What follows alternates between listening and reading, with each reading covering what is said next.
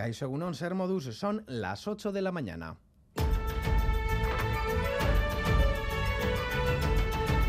Crónica de Euskadi con Lier Puente. No ha podido ser, Osasuna ha luchado hasta el último momento en un partido disputado, pero la copa se la ha llevado finalmente el Real Madrid. Iruña y toda Nafarroa llora desde medianoche. La afición rojilla ha sufrido 90 minutos en los que soñaron con una remontada pasando de la euforia a las lágrimas en pocos minutos.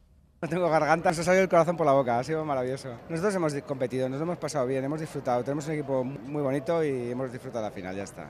Pues con pena de lo que ha pasado al final, porque yo creo que merecíamos más, merecíamos más. Hemos llegado muy lejos y nos vamos con pena. Hemos venido muchos rojillos aquí y bueno, nos vamos con pena porque esperamos que iba a estar una cosa más igualada, que se, que se podía llegar a dar la victoria y bueno, pues nos vamos jodidos todos y ojalá podamos volver, pueda volver yo con mi abuelo otra vez a ver otra final de Copa.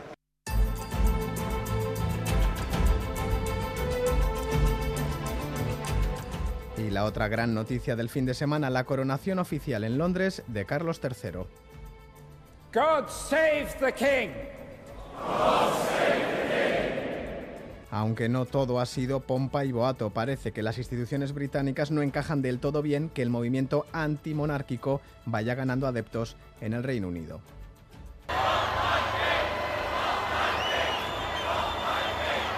La policía ha detenido en la capital británica a 52 manifestantes antimonárquicos y activistas medioambientales. Human Rights Watch critica duramente los arrestos que califica de alarmantes, algo que a su juicio esperaríamos ver en Moscú, pero no en Londres. Y en casa, manifestaciones en Irún y Tolosa a favor de una sanidad pública digna. Denuncian las carencias del servicio de Osakidecha que sufren ambas comarcas. Javier Arana, portavoz de Osasun Público a Aurrera todos los partidos políticos y los responsables sanitarios ya reconocen que en los últimos 12 años hemos venido teniendo una calidad de atención de, segunda categoría.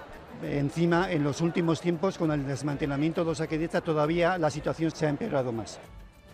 Además, un millar de clientes de la EPSV Gueroa han salido a las calles para pedir poder disponer del dinero ahorrado en este fondo, como y cuando quieran pues nos dan una renta de unos 200 euros durante veintitantos años. Y queremos, pues eso, cada uno que rescate como quiera, derecho a decir cómo rescatar, cómo gestionar su dinero, tan sencillo como eso. Con más de 60 años y tiene problemas físicos, de enfermedades, de movilidades, entonces tiene que pedir un préstamo teniendo dinero en Gueroa. Eso no hijo de madre que lo sostenga. Hoy además un total de 3.173 personas aspiran a llevarse uno de los 572 puestos fijos convocados por correos en Euskadi. En Nafarroa se ofertan 151 plazas. En este informativo también pondremos el foco en otro tiroteo en Estados Unidos que ha dejado al menos nueve fallecidos en un centro comercial y un incendio en una mina de Perú que deja 27 desaparecidos. Pero antes conozcamos la previsión meteorológica de Euskalmet con Nayara Barredo. Egunon. Egunon, hoy veremos el cielo nublado durante la mañana y primeras horas de la tarde y esa nubosidad nos dejará algo de lluvia, en general de carácter débil, sobre todo en la vertiente cantábrica. Hacia el centro de Álava y Navarra llegará muy poca apretación y en el sur el ambiente se mantendrá seco con la nubosidad más rota. El viento del noroeste se irá dejando notar de cara a las horas centrales del día y por la tarde y así las temperaturas descenderán, se quedarán en el entorno de los 20 grados, siendo algo más altas en el sur. Al final de la tarde esa lluvia remitirá y predominarán los amplios claros. Por lo tanto, hoy las nubes serán mayoría durante buena parte de la jornada, con algo de lluvia que afectará sobre todo a la mitad norte. En estos momentos tenemos 9 grados en Gasteiz, 11 en Iruña, 12 en Bilbao y 14 en Donostia y Bayona analizamos esa final de Copa con John Zubieta. Egunon. Hola Egunon. Osasuna cayó con las botas puestas ante el Real Madrid, que sufrió lo suyo para doblegar a una escuadra rojilla de alto nivel apoyada en una hinchada de 10. El empate de Torró duró poco, los merengues ganaron 2-1, pero Osasuna fue vencedor moral. Conectamos con uno de los enviados especiales de Radio Euskadi a Sevilla, Rafa Aguilera. Egunon.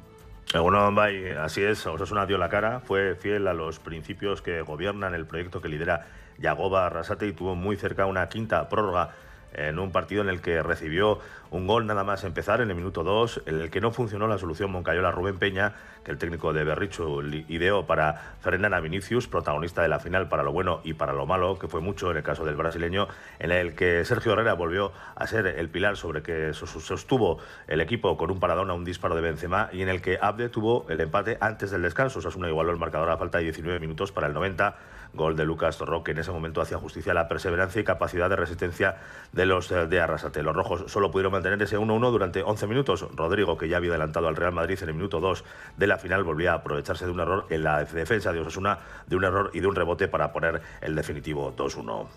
Es que recasco Rafa y por lo que respecta a la Liga F, recordamos, a la vez gloriosa se empató a uno ante el Granadilla, sigue en descenso, el Barcelona ganó por, pasó por encima de la Real Sociedad 2-5 y además el Athletic recibe al mediodía al Betis y en pelota, triunfo de Ezcurdia ante Pío Echeverría por 22-15, se medirá en semifinales a Antuna.